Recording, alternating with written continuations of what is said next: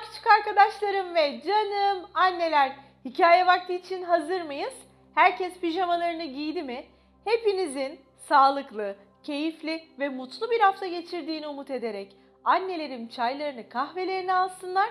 Küçük arkadaşlarım yataklarına uzanıp sessiz moda geçip ışıklarını hafifçe kıssınlar.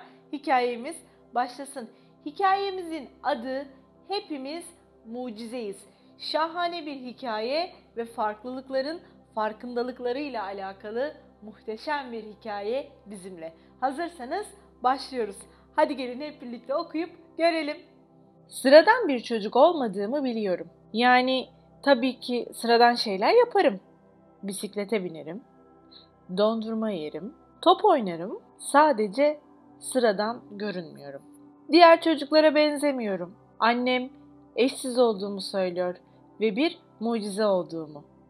Köpeğim papatya da aynı fikirde ama bazı insanlar mucize olduğumu görmüyor. Yalnızca ne kadar farklı olduğumu görüyorlar. Bazen gözlerini dikip bakıyorlar, beni parmaklarıyla gösteriyor ya da bana gülüyorlar. Hatta arkamdan kötü şeyler bile söylüyorlar. Ama söylediklerini duyuyorum. Bu kalbimi kırıyor. Papatyanın da kalbini kırıyor. Üzüldüğüm zaman astronot başlığımı takıyorum. Papatyanın da başlığını takıyorum. Sonra da fırlat! Yukarı, yukarı, yukarı bulutların üzerinden galaksinin içinden geçip gördünüz mü?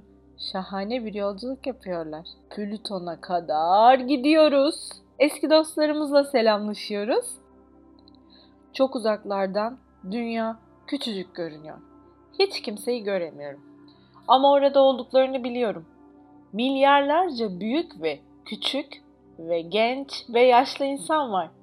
Farklı ırklardan insanlar, farklı yürüyen insanlar, farklı dilde konuşan insanlar, farklı görünen insanlar tıpkı benim gibi. Dünya tüm bu farklı insanlara yetecek kadar büyük ve bu güzel bir şey çünkü hepimiz kendimizce farklıyız. Papatya, bence eve dönme zamanımız geldi. Görünüşümü değiştiremeyeceğimi biliyorum. Ama belki, sadece belki insanların bana bakışını değiştirebilirim. Bunu yaparlarsa bir mucize olduğumu görebilirler ve kendilerinin de bir mucize olduğunu fark ederler. Hepimiz mucizeyiz. Dünyaya nezaketle baktığında mucizelerini göreceksin. Evet, hikayeyi beğendiniz mi? Hikayemiz gerçekten hem çok anlamlıydı hem de birçok noktada bize çok güzel mesajlar verdi. Gerçekten hikayenin içinde de bahsettiği gibi dünya hepimize yetecek kadar büyük ve hepimiz gerçekten birbirimizden zaten çok farklıyız. İlla bu küçük arkadaşımızdaki olduğu gibi bir şeye sahip olmamız gerekmiyor. Hepimiz öncelikle insan olarak bir takım özellikler ve davranışlar durumunda zaten çok farklıyız. Önemli olan birbirimizi her zaman olduğumuz gibi kabul edebilmek ve her koşulda ihmal etmemekle ilgili diye düşünüyorum.